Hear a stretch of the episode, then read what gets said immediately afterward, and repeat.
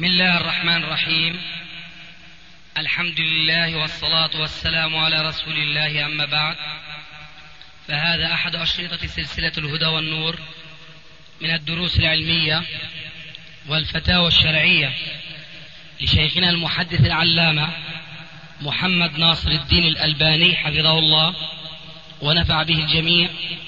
قام بتسجيلها والتأليف بينها محمد بن أحمد أبو ليلى الأثري. إخوة الإيمان والآن مع الشريط الثاني والعشرين بعد المئة الثامنة على واحد تحت عنوان مشاركة الشيطان للإنسان حين الشرب من قيام تم تسجيل هذا المجلس في اليوم الثاني من محرم 1417 هجري الموافق التاسع عشر من الشهر الخامس 1996 ميلادي. إن الحمد لله نحمده ونستعينه ونستغفره ونستهديه. ونعوذ بالله من شرور أنفسنا ومن سيئات أعمالنا. من يهده الله فلا مضل له ومن يضلل فلا هادي له. أما بعد لا إله إلا الله. المسألة الأولى جاءنا عن بعض أهل العلم كما تعلمون تحريم الشرب قائما. نعم. ونظروا إلى حديث النبي صلى الله عليه وعلى آله وصحبه وسلم كفعل أنه خاص به. وذلك و و و وأجابوا أن النبي صلى الله عليه وسلم أي نعم معه شيطان لكنه أسلم.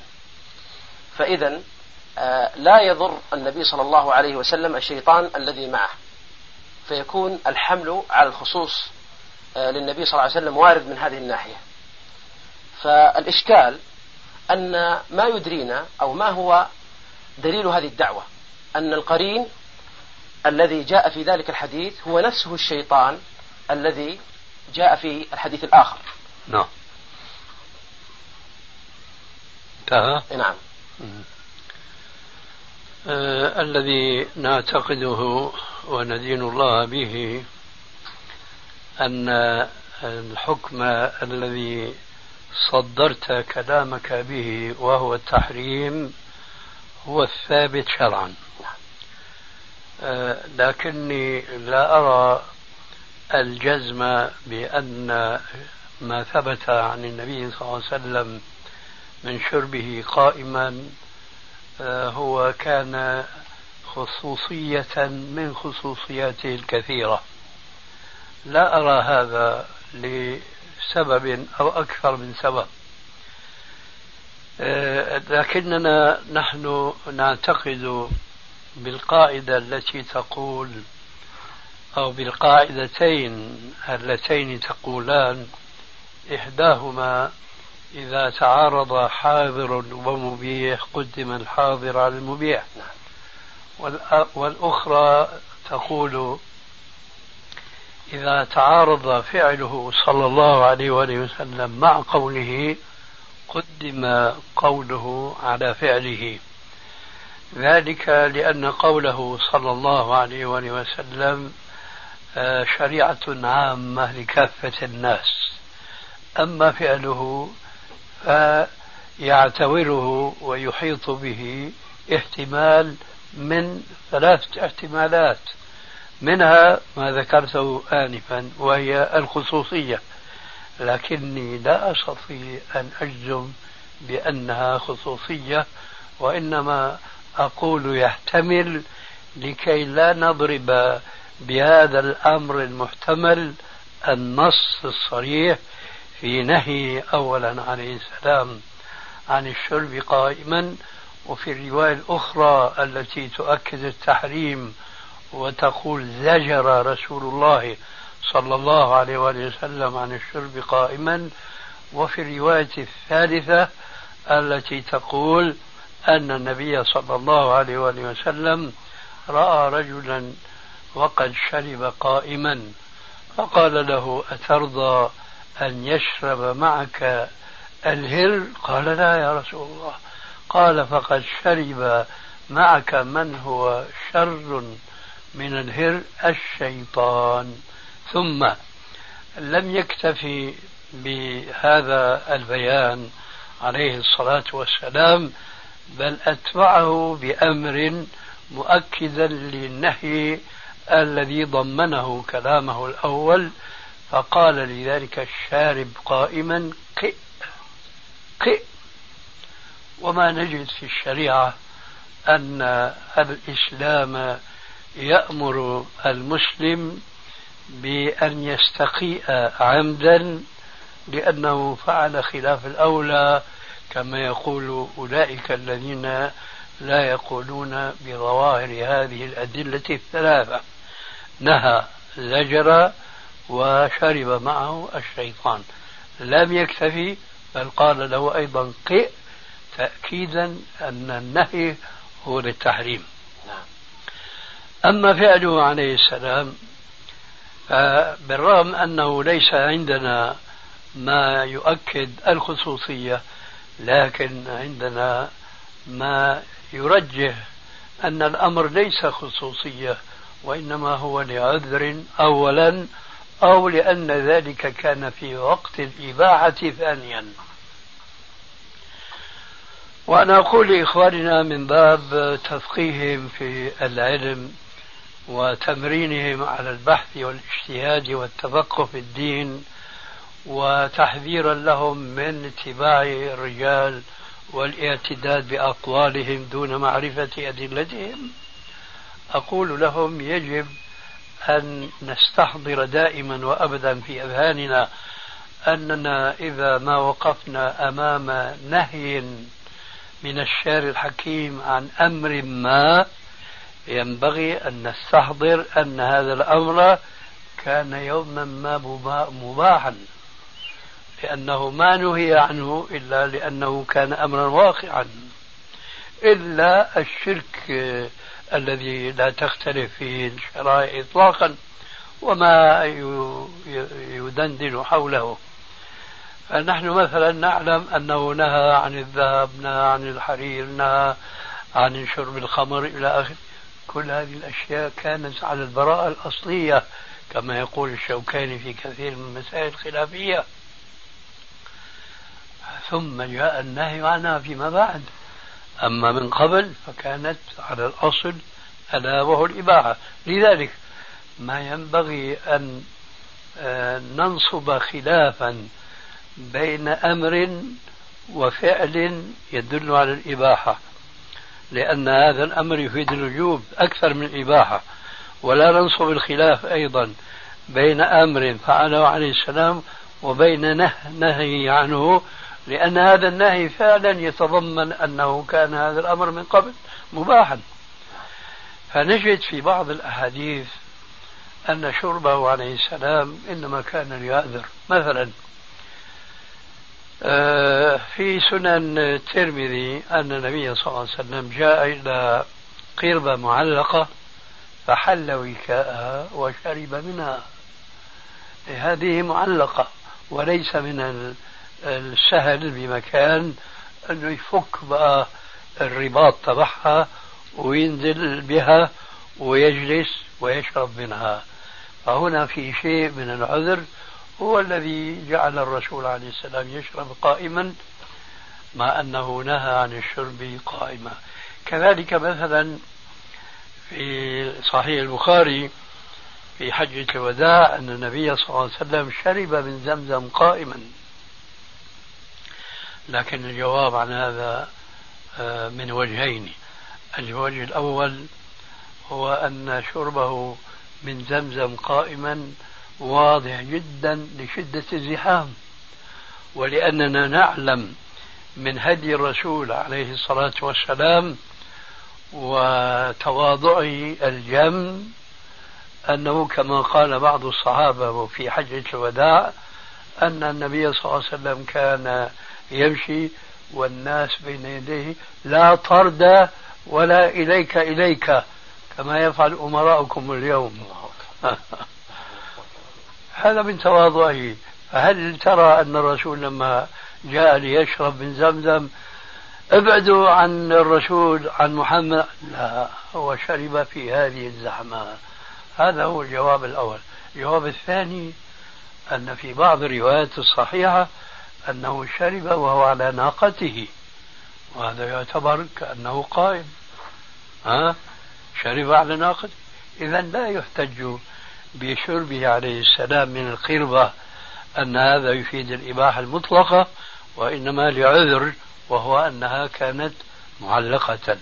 ولا يحتج بشرب عليه السلام في حجة الوداع قائما ولو على غض النظر من الرواية الأخرى التي شرب وهو راكب لشدة الزحام. إذا ما جاء عن الرسول عليه السلام الآن نوجد الكلام. ما جاء عن الرسول عليه السلام من شربه قائما إما أن يكون ذلك في وقت الإباحة وقبل النهي وإما أن يكون ذلك لعذر أخيرا نقول إما أن يكون خصوصية له عليه السلام وهذا في نقدي أضعف الأجوبة هذا ما عندي. نعم. ولكن آه، في هناك آه، بعض الإستدراك على مسألة آه، أنه تعارض قول وفعل فقدمنا القول ثم أن هذا يحتمل أن يكون خاصا. في الواقع هذه تسمى قواعد كما تعلمون قواعد ترجيح ونحن دائما نعمل بقول الله تعالى وما أتاكم الرسول فخذوه. فهذا يقتضي أن نعم أن نعمل قاعدة الجمع. أن أن أن نأخذ القول والفعل وإذا تعذر الجمع صرنا إلى إلى الترجيح هو كذلك ولكن إذا بدأنا آه، بهذا الكلام الذي يعني ذكرتم يظهر لنا أننا بدأنا بالترجيح. لأننا قولنا قول قول فعل. قدمنا قول على فعل. فهذا ترجيح. م. ونحن نبدأ بالجمع. وما هو الجمع؟ الجمع أننا ننزل الأمر الكراهة. كما هو ما يفعله الصنعاني والشوكاني. قد سبق الجواب. لا مجال لحمل النهي على كراهة التنزيه طبعا مش كراهة التحريم. أليس كذلك؟ أي نعم. طيب. لا سبيل إلى ذلك لأنه إن كان يمكن هنا إن كان يمكن هنا حمل النهي على التنزيه فيمنعنا من هذا الحمل. الرواية الثانية التي فجأتك بها لكي لا تفجأني بما قلت آنفا فقلت لك زجر رسول الله. الزجر لا يقبل هذا التأويل الذي يقال في النهي في كثير من المناهي. أظنك وأنت العربي القح أنك تفهم ولا أصلك أعجبي مثلي الله. ما أدري بقى. الله يجزاك خير. ها؟ نعم قحطاني ما شاء الله.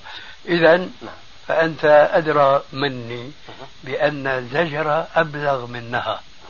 هل توافقني على هذا لأستشهد بك وأنت القحطاني الله أكبر. ها والله فيما يظهر لي أن الزجر آه، مثل مرحلة النهي. آه هذا كلام سياسي. كلمة مرحلة. مثل. ها ومثل. ومثل. يعني في مقام أنه نهى زجر. ألا تشعر بأن الزجر أبلغ منها؟ إذا قيل فلان زجر فلانا. ألا تشعر بأن هذا أبلغ من قوله فيما لو قال نهى؟ جزاك الله خير. سلمنا أنه زجر في أعظم درجات النهي. جميل. طيب. طيب. ولكن جاء ما يعارض ذلك من فعله صلى الله عليه وسلم. فإذا ننزل إن قلنا إن سلمنا لأولئك الذين يقولون كراهة شديدة نقول كراهة شديدة ولكن لا تصل حد التحريم آه. لا لا كما يقال لا مشاهدة في الاصطلاح. لكن ما معنى كراهة شديدة؟ هل يثاب أم يعاقب أم لا يثاب ولا يعاقب؟ إن قلت بأنه يعاقب فاتفقنا. سواء قلت كراهة تحريمية أو قلت كراهة شديدة.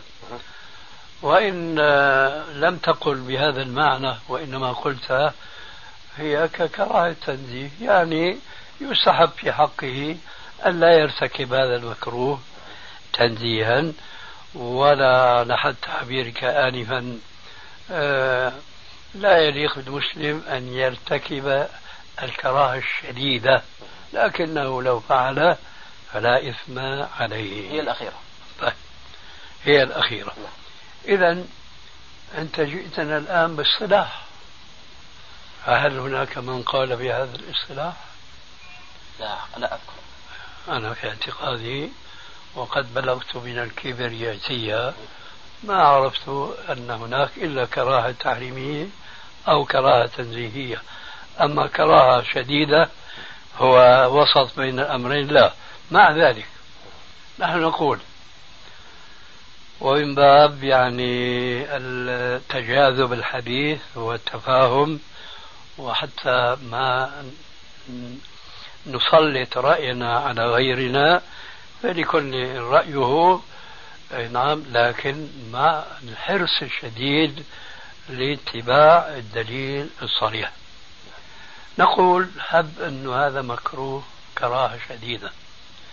وفهمنا أنه الأولى تركها. طيب. ماذا هناك من الأحكام في الشرع إذا ما ترك المسلم الأولى؟ هل يعاقب بمثل أن يقال شرب معك الشيطان؟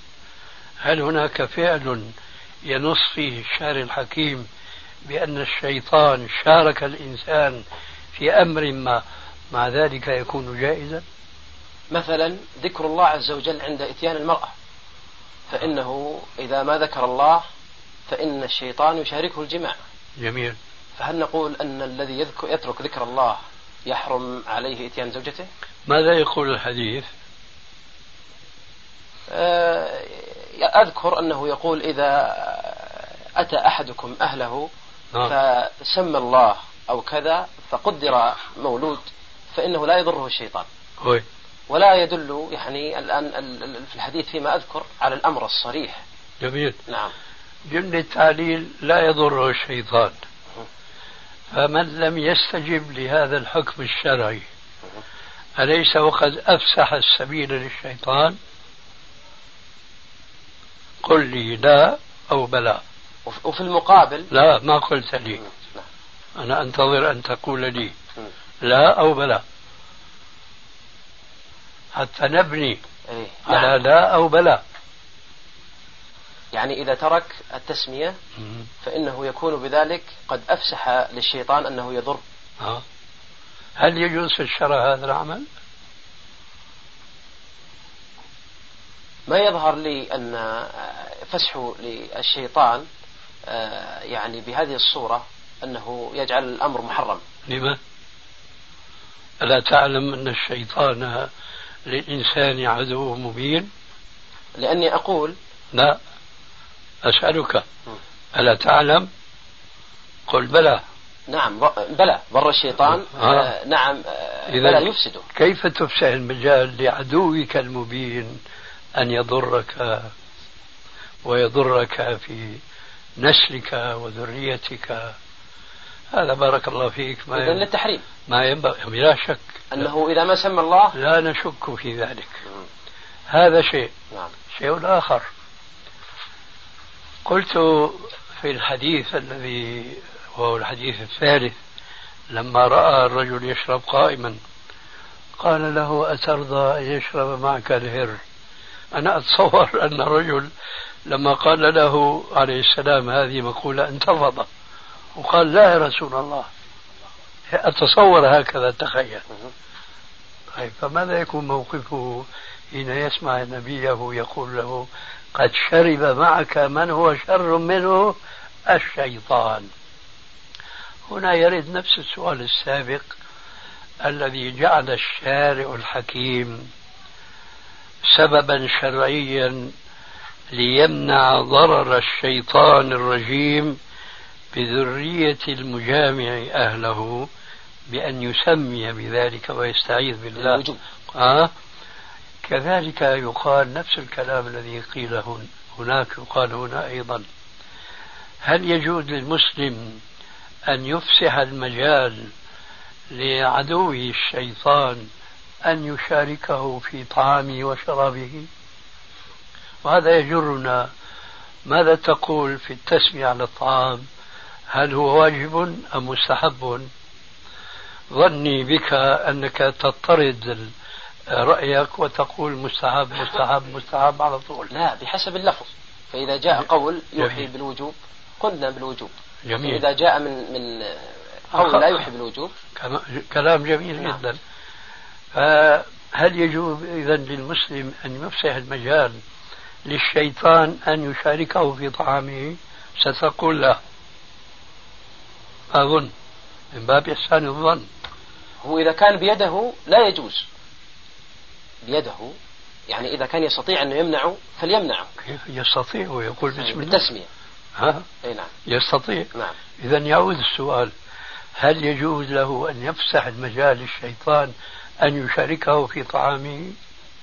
لا يجوز. لا يجوز هل يجوز له أن يشارك أن يفسح المجال للشيطان أن يشاركه في شرابه؟ لا يجوز. أن يشاركه في ذريته؟ لا يجوز. نعم. انتهى الأمر.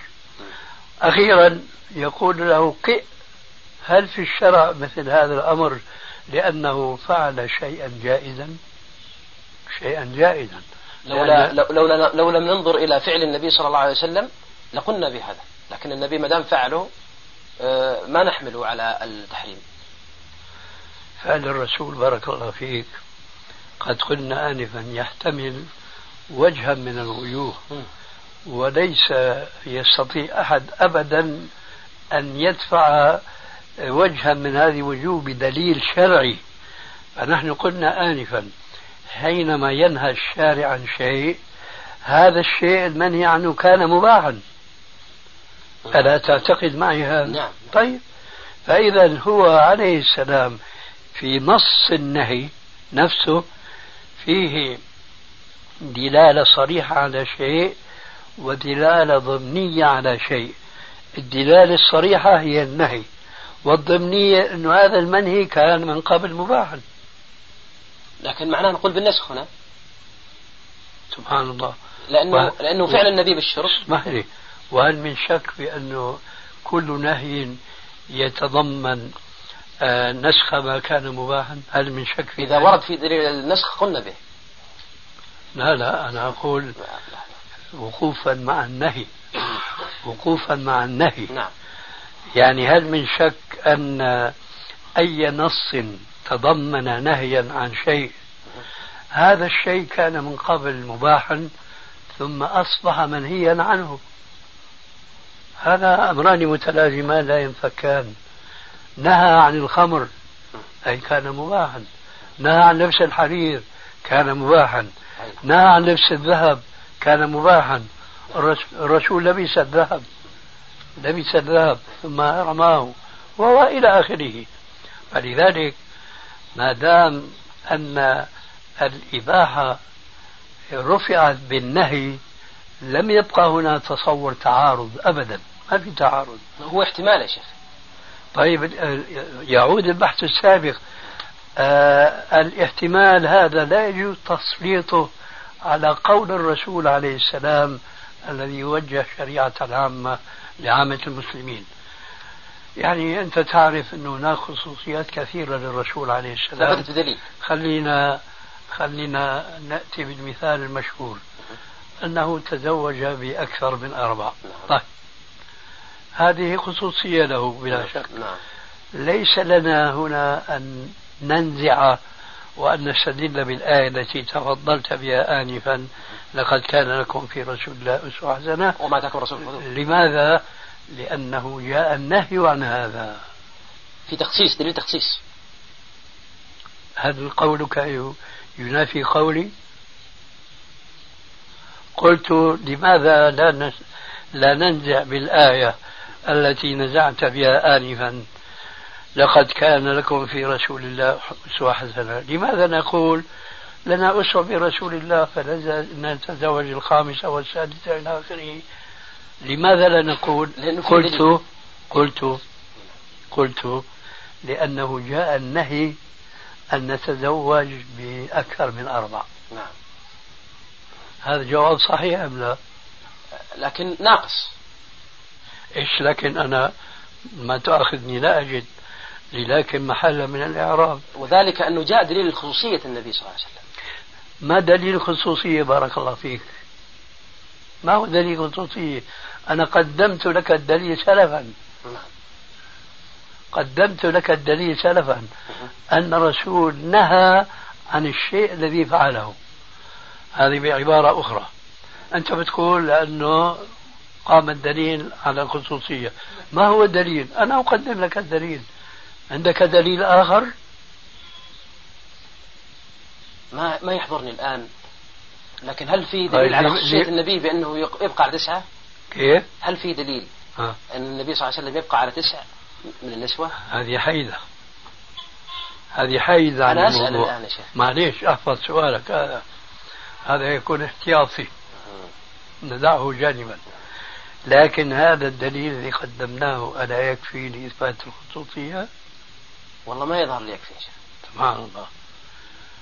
إذا ما الذي ظهر لك إذا كان هذا لا يظهر لك وهو كالشمس في ربع النهار؟ لكني أظن أيضا هذا من باب تحسين الظن أنك غير مستحضر النهي لما جاء الرجل الذي أسلم وتحته تسع نسوة. فقال له عليه السلام أمسك أربعا منهن وطلق سائرهن. ما يكفي هذا الدليل لإثبات خصوصية إن كان هذا لا يكفي. هذا هذا هو الدليل دليلك يجعلنا؟ يا شيخ ننهى الإنسان على أن يزيد أكثر من أربعة أو لا؟ هذا ما ينافي ما قلته. أي نعم. وفعله الشيخ يريد أن يتكلم وفعل النبي عليه الصلاة والسلام. خاص به. هذا هو.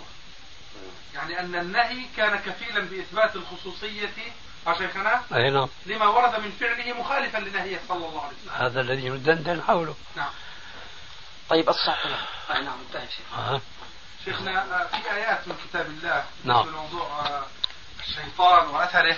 آه وهي قوله تعالى وإذ قلنا للملائكة اسجدوا لآدم فسجدوا إلا إبليس قال أأسجد لمن خلقت طينا؟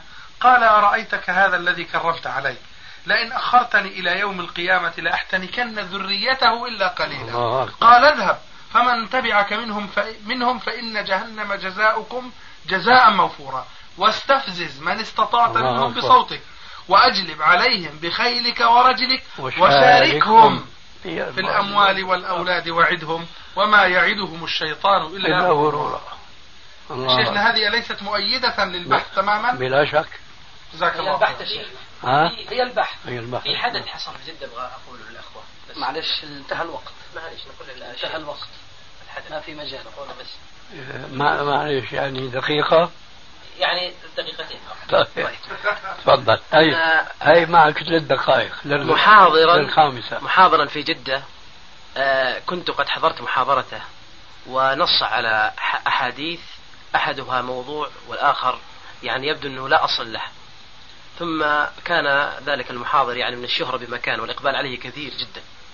ثم بينت في ذلك المجلس آه، إشارتكم إلى وضع هذا الحديث وهو حديث علم الناس السنة وإن كرهوا ذلك الذي اثبت وضعه. ثم أثنى عليه هذا الرجل وقال آه، جزاك الله خير. ثم جاء في المرة الثانية وفاجأني حيث أنه في الأسبوع القادم آه، قام واستنكر استنكار شديد أني بينت أمام الناس ذكره الحديث الموضوع من غير أن يبين وضعه. وقال جملتين. الجملة الأولى قال لم أقل أن الحديث قد ثبت. الجملة الثانية هذا الحديث لا يخالف الشريعة. ما شاء الله. فما ردكم على هذين هاتين الجملتين؟ هل تسوغ له أن يذكر حديث الموضوع أمام الناس؟ وهل الرد عليه أمام الناس سائغ حتى يبين خطأه؟ تفضل يا شيخ. أولا لا يجوز أن يذكر حديثا ليس هو في واقع أمره موضوع وإنما لا يجوز له أن يذكر حديثا إلا وهو يعلم أنه ثابت. إلا وهو ثابت. ثانيا الإنكار عليه إذا كان تحدث به آه، في مجلس عامر بالناس فيجب الإنكار عليه إذا أمكن في نفس المكان حتى يتنبه الذين تورطوا بحديث هذا المحدث. وإن كان بين جدران أربعة ولا أحد فيها فبينك وبينه. والحمد لله رب العالمين. إياكم شيخ لو إنه مثلا مبدئيا نصحه قبل ما إنه شيخنا ينكر عليه أمام الناس. نصحه يعني تكلم معه بينه وبينه وإذا ما بين المرة الثانية هذاك الرجل في الكلام الصحيح يرد عليه أمام الناس. انتشروا الناس يا أخي انتشروا تفرقوا الحديث الموضوع اللي جاي معتمر ولا جاي. الله المستعان. الله يجزيك الخير يا شيخ. نراكم بخير. وأهلا ومرحبا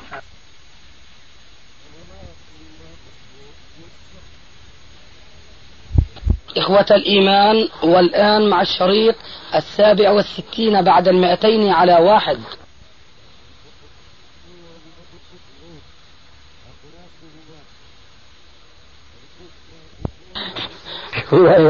آه طبعا خاف منك ولا ما خاف منك؟ يا شيخنا ها؟ أنتم إن شاء الله لا تخشونا في الحق لما تنام أنا كنت بدي أقول لك لما قلت لك شو مبلغ علمك؟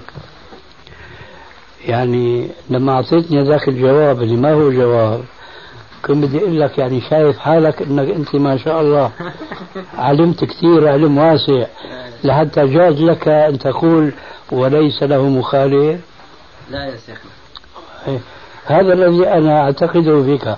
اذا هالكلمه هي اسحبها ثقيلة لا مش ثقيله يعني بالنسبة لنا لكن اسحبها لا تقولها لغيرنا. إن شاء الله. شيخنا.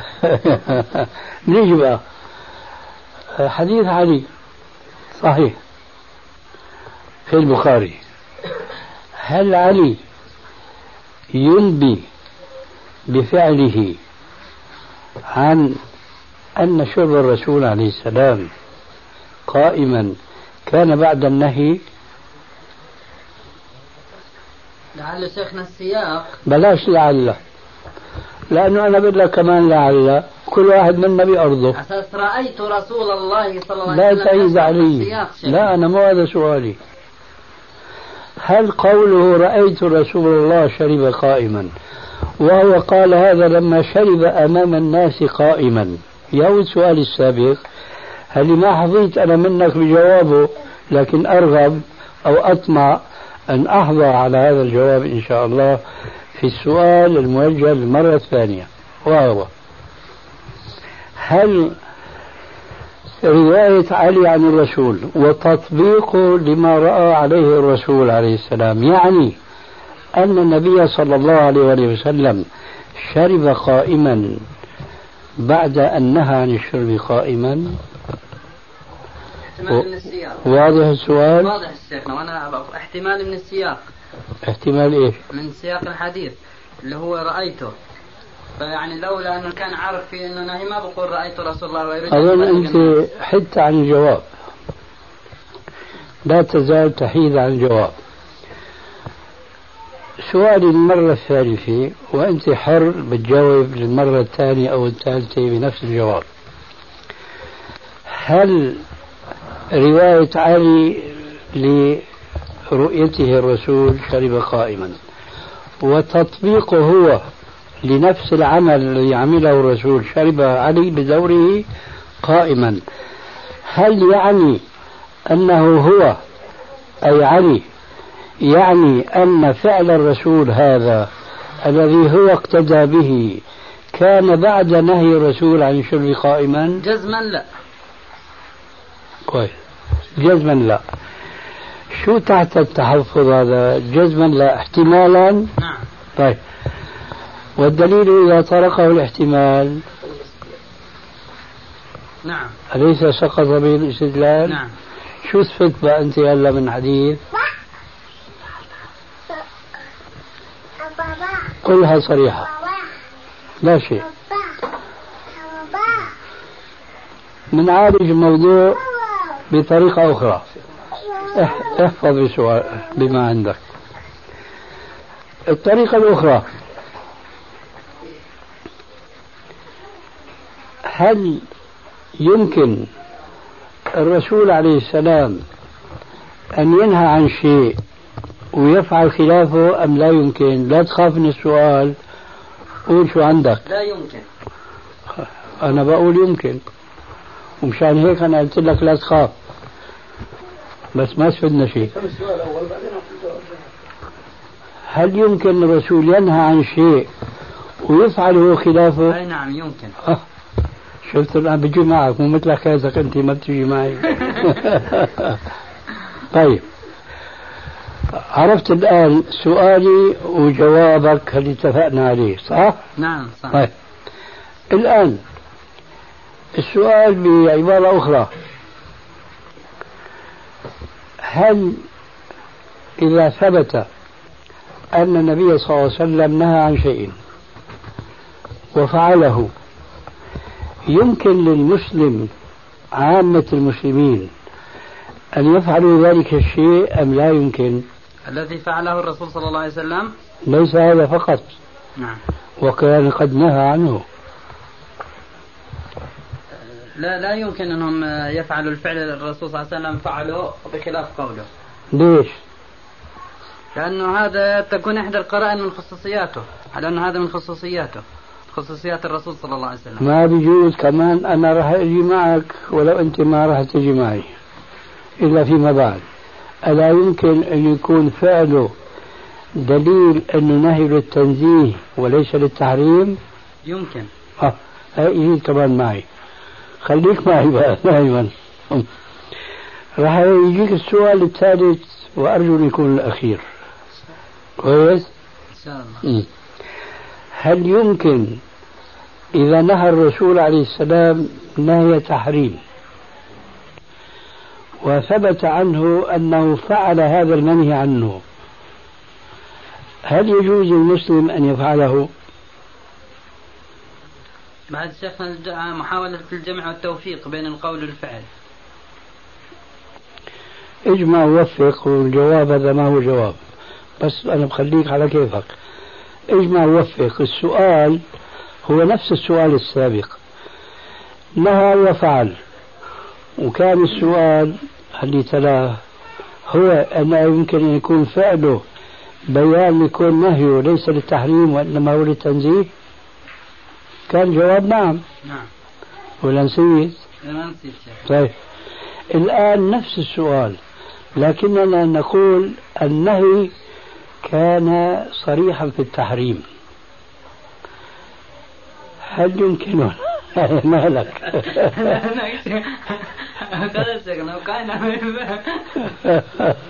طيب يا أخي ليش بتقول وقعت؟ انت وين جلست؟ ما وقعت انسحب انسحب من اول جوله أنت استقمت الآن مو وقعت وعرفت خطأك فاللي قومك هو هذا المنطق المتسلسل صح ولا لا؟ نعم صح آه اذا نرجع بقى لحديث علي حديث علي أخي كان يمكن استفاده منه انه النهي للتنزيه وليس للتحريم. لكن لما جاء النهي الشديد نهى عن الشر قائما زجر عن الشر قائما يا فلان تشرب قائما قد شرب معك الهر ترضى أن يشرب معك الهر؟ قال لا. قال قد شرب معك الشيطان. ثم قال له أو لغيره قئ قئ. هذا يمنعنا أن نقول النهي للتنزيه. حينئذ نضطر أن نقول ما رواه علي عن الرسول إما أن يكون قبل النهي وإما أن يكون لحاجة وضرورة تجوز. هذه الصورة حتى للمسلم المقول له قئ قئ يجوز له لو في عذر.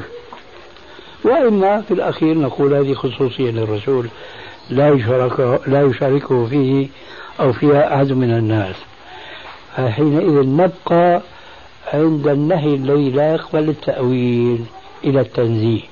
واضح؟ واضح. الآن بقى بنشوف أبو الحارث شو عنده. الله.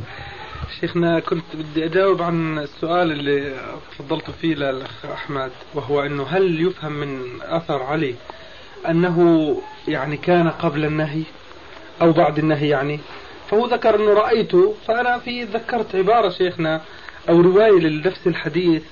يعني أستفسر أنها هل تقوى أو هل فيها الماعه إلى أنه كان يعني آه، أنه ما فهم أن النهي للتحريم مثلا أو أنه استسهل الشيء أو كذا. لا أنا بقول إنه علي ما عنده خبر النهي إطلاقا. شيخنا هو في ال- الرواية بلغني أنكم تنهون عن الشرب قائما. نعم لكن ما عنده خبر إنه الرسول نهى. هو هذا المهم. بلغني هذا يعني ما له اعتبار لا. في هذا. نعم. على نفس السؤال أيكون الط- الطعام نفس الشيء وأي شراب غير الماء؟ آه بالنسبة للطعام ما عندنا عن الرسول عليه السلام حديث في حدود السؤال. لكن عندنا حديث كنا نأكل ونشرب ونحن قيام في عهد الرسول عليه السلام. الشرب عرفنا حكمه. أما الأكل آه كنا نأكل ونحن نمشي؟ كنا نأكل ونحن نمشي. ونشرب ونحن قيام. فالشرب قياما يعني البحث السابق ختم الموضوع. هذا بقي أنهم كانوا يأكلون وهم يمشون. أيضا يبقى على ما هو عليه لعدم وجود عندنا ما يعارضه. أما في حدود السؤال فعندنا الأثر الذي أشرت إليه آنفا وهو أن أنس بن مالك حينما روى النهي وهو في صحيح مسلم. نهى رسول الله صلى الله عليه وسلم عن الشرب قائما. قيل له فالأكل قال شر. هذا جواب سؤالك بالضبط. هنا يقال هل قول الصحابي حجة ولا لا؟ الصحابي لما سئل هذا السؤال قال الأكل شر بيقصد أشر يعني. أشر من الشرب قائما. هل قول حجة أنا الذي أطمئن إليه أن قول الصحابي الذي ليس هناك ما يخالفه من الشرع من آية أو حديث أو ليس له معارض من بقية الصحابة فنحن يجب أن نأتسي به ونقتدي به ونأخذ بكلامه لأنه كان يرى ما لم نرى نحن. وكان يعلم ما لا نعلم نحن وهكذا. فإذا آه الجواب الفقهي الدقيق أن نقول أما الشرب قائما فعندنا أحاديث تنهى عنه نهيا شديدا. أما الأكل قائما فليس عندنا إلا هذا الأثر. ونحن نعتقد بوجوب الاقتداء بهذا الأثر. لكن ما يجوز أن نقلب هذا الأثر إلى حديث مرفوع لأنه يكون نسبنا للرسول ما لم يثبت فنبين الواقع ثم نقول للسائل نحن نرى أن هذا الصحابي الجليل علينا أن نقتدي به لأنه لا يوجد فيما نعلم ما يخالفه واضح؟ واضح بالنسبة للشرب يعني هل هو الماء أم كل الأشربة؟ كل ما يصدق عليه شرب قائما. فيا ترى إذا شربت الحليب. يصح أن يقال شربها ولا لا؟ هذا هو. تفضل. في موضوع الطلاق يا شيخ هل ثبت عن عمر رضي الله عنه أنه تراجع عن فتواه روي وما ثبت. ما ثبت. روي وما ثبت. جزاك الله خير إي نعم. ولو كان الأمر بالتمني لتمنينا أن يكون ثبت. تفضل. حديث الرسول صلى الله عليه وسلم ذكرته في السبق بالسواد سيكون أقوام في آخر الزمان يخضبون في سواد كحواصل الطير. ما المقصود بحواصل الطير؟ في طيور رأيناها نحن في المدينة مطوقة بسواد هكذا.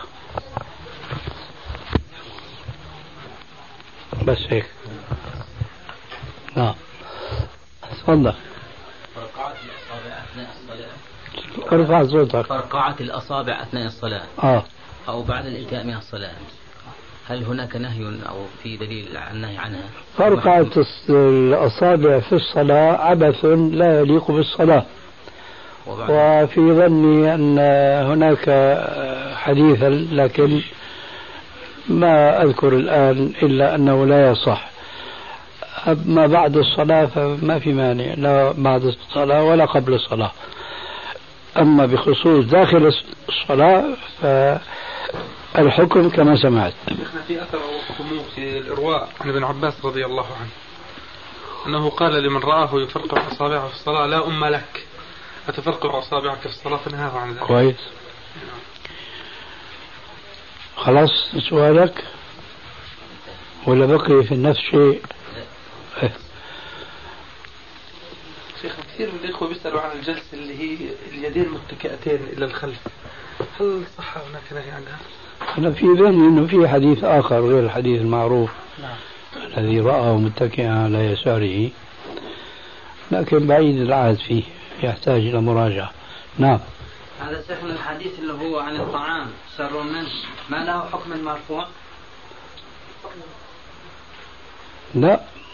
لأنه ممكن شرط الحديث الموقوف أن يكون في حكم المرفوع أن لا يكون فيه مجال للرأي والاجتهاد. وهذا فيه مجال. أي نعم. نعم. إذا نسي المصلي أن يقرأ بعد الفاتحة ما تيسر له من القرآن. نسي وليس وليس متعمدا. لابد من السجود. لابد من السجود. أي نعم. كان سؤال العروس نستفيد منه بحكم إنه حديث عهد. أي نعم. نعم. سؤالين بس؟ واحد واحد السؤال الأول لفظ عروس. آه، طبعا آه، لغة آه، نعرفه ولكن الآن العرف العرف أنه العروس ها؟ هي المرأة العروس. وليس تطلق على الرجل والمرأة في في العرف. فهنا لا يمكن يعني يعني لنا عدم استخدام هذا اللفظ للرجل بما أن العرف قد خالف هذا؟ برا نعم جوا لا. هذا فائدة طيبة جدا. شيخنا هذا خلي أخونا أبو أحمد يتوضح له بزيادة شوي. كويس آه. لأنه دائما بقول عروس وخرعب.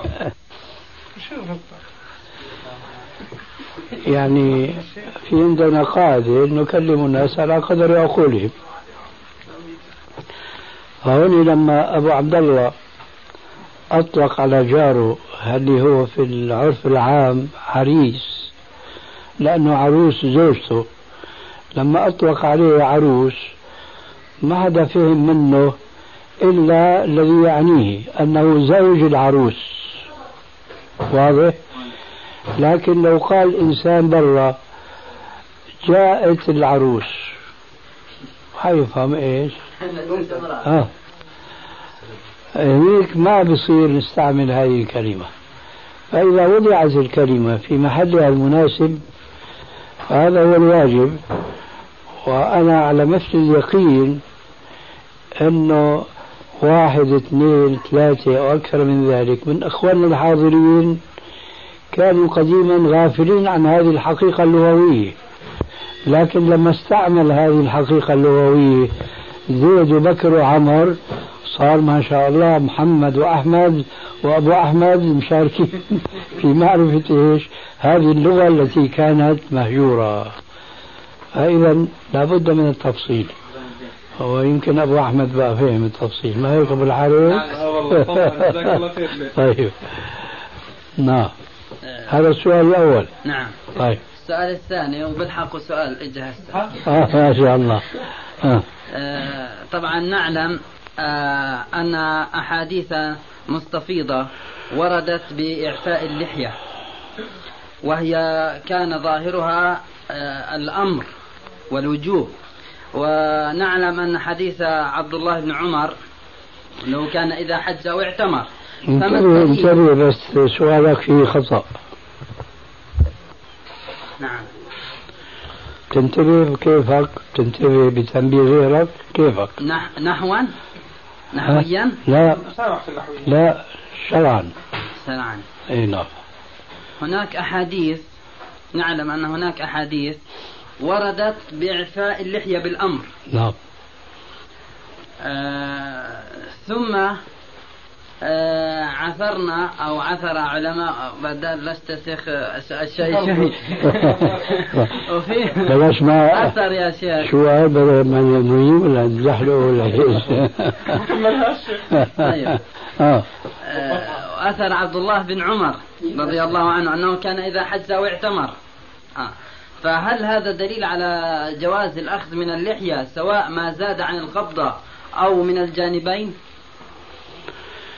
أيوه فالقضية ليس لها علاقة بموضوع يجب إعفاء اللحية أو لا يجب وإنما هل يجوز الأخذ منها أو لا يجوز صح؟ أثر ابن عمر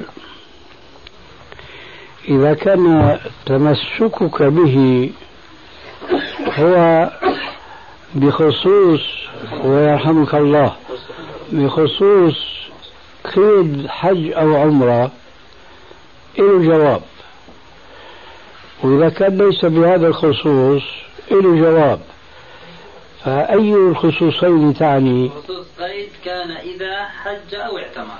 كويس. فإذا ارتفع هذا القيد حج أو اعتمر. بتغير عندك الموضوع؟ ما لم يكن هناك دليل آخر. نعم يتغير عند الموضوع. يعني لو ثبت عن ابن عمر أنه كان يأخذ حتى في غير الحج والعمرة نعم. يعني ينتهي الإشكال؟ ما أظن أنا. بالنسبة لي لا ينتهي الإشكال. ها لذلك بقى القيد هذا الخصوص ما له محل من الإعراب. أنا اللي شعره بينما أنت دندنت حوله. ها؟ نعم طيب. إذا للإفادة بقول ثبت عنه القيد والإطلاق. يعني كان يأخذ في الحج والعمرة وكان يأخذ من لحيته دون قيد الحج والعمرة. آه الذي يعني أفهمه منك كأنك تريد أن تقول هل يجوز تخصيص عموم أمر الرسول بإعفاء اللحية بفعل ابن عمر المطلق أي بلاش حج وعمرة؟ وإنما مطلقا. فأظن هذا هو سؤالك. أكذلك؟ نعم هذا و... السؤال لكن كان أنا أول شيء كنت بس مقتصر يعني على التقييد أي نعم. فلذلك خذها على الماشي فائدة. جاء القيد وجاء المطلق أيضا. فعمر ابن عمر كان يفعل في الحج والعمرة وغير الحج والعمرة. وخذها فائدة أخرى. أن الأخذ جاء عن غير ابن عمر أيضا. أي نعم. وهذا في الحقيقة من آه، الأمور التي تغيب عن أذهان كثير من أهل العلم والفضل.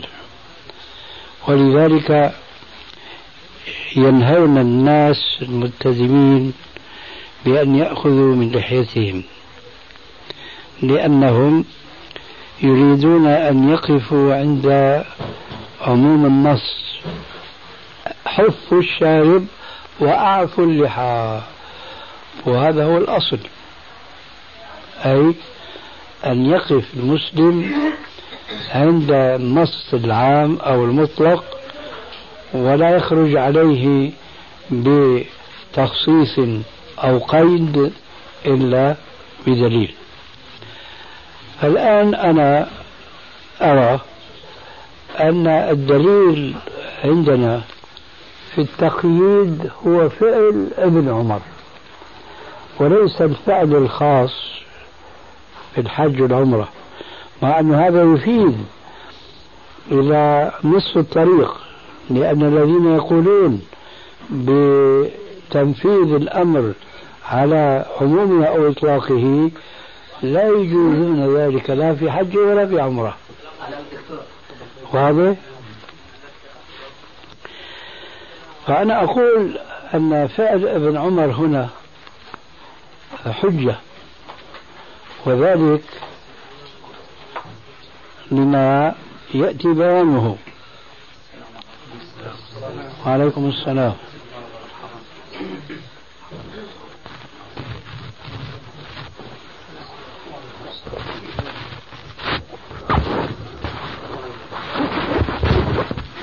أهلا مرحبا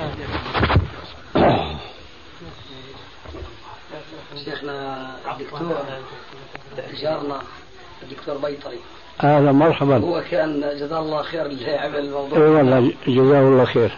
أهلا مرحبا.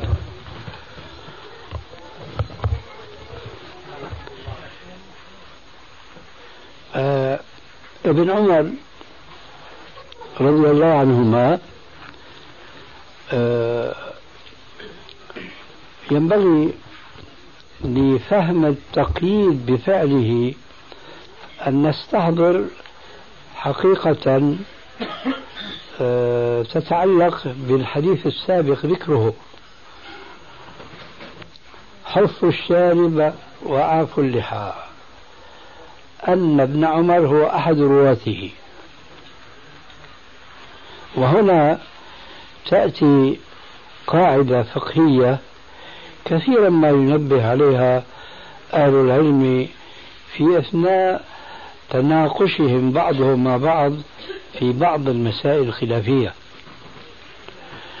فيقولون الراوي أدرى بمرويه من غيره وهذا كلام سليم آه، مستقى من بعض النصوص الحديثية كمثل قوله عليه السلام الشاهد يرى ما لا يرى الغائب. وهذا الحديث له رواية أخرى آه، ليس الخبر كالمعاينة. وسبب هذا الحديث أن النبي صلى الله عليه وسلم حكى قصة موسى عليه السلام مع أخيه هارون من جهة وقومه من جهة أخرى أنه لما آه، ذهب لمناجاة ربه تبارك وتعالى وخلف أخاه على اليهود على بني إسرائيل فاتخذوا من بعده عجلا جسدا له خوار. فلما رجع موسى وأخبره بالخبر آه، ما أخذته الغيرة الدينية إلا لما شاهد. فلما شاهد قال عليه السلام ليس الخبر كالإيش المعاينة وهذه حقيقة يعني بديهية فطرية معروفة عند الناس بالعمل والتجربة. إذ الأمر كذلك. فابن عمر كما نعلم جميعا عاش مع الرسول عليه السلام سنين. وهو سمع منه هذا الحديث. ففي اعتقادي بأن ابن عمر إذا كان يعلم بالمشاهدة منه عليه الصلاة والسلام أنه لا يأخذ منها مطلقا مستحيل ابن عمر أن يأخذ منها شعرة. لما عرف عنه من أنه كان أكثر أصحاب النبي صلى الله عليه وسلم حرصا على الاقتداء به حتى في بعض الأمور التي قد تستنكر عليه من غيره وأظن هذا معروف لديكم إيه. فإذا كان هذا الصحابي الجليل الذي ترجمته بعضه ذكرناه آنفا كان أحرص الأصحاب على الاقتداء بالرسول عليه السلام فلو لم يره هو أو لم يسمع منه على الأقل شيئا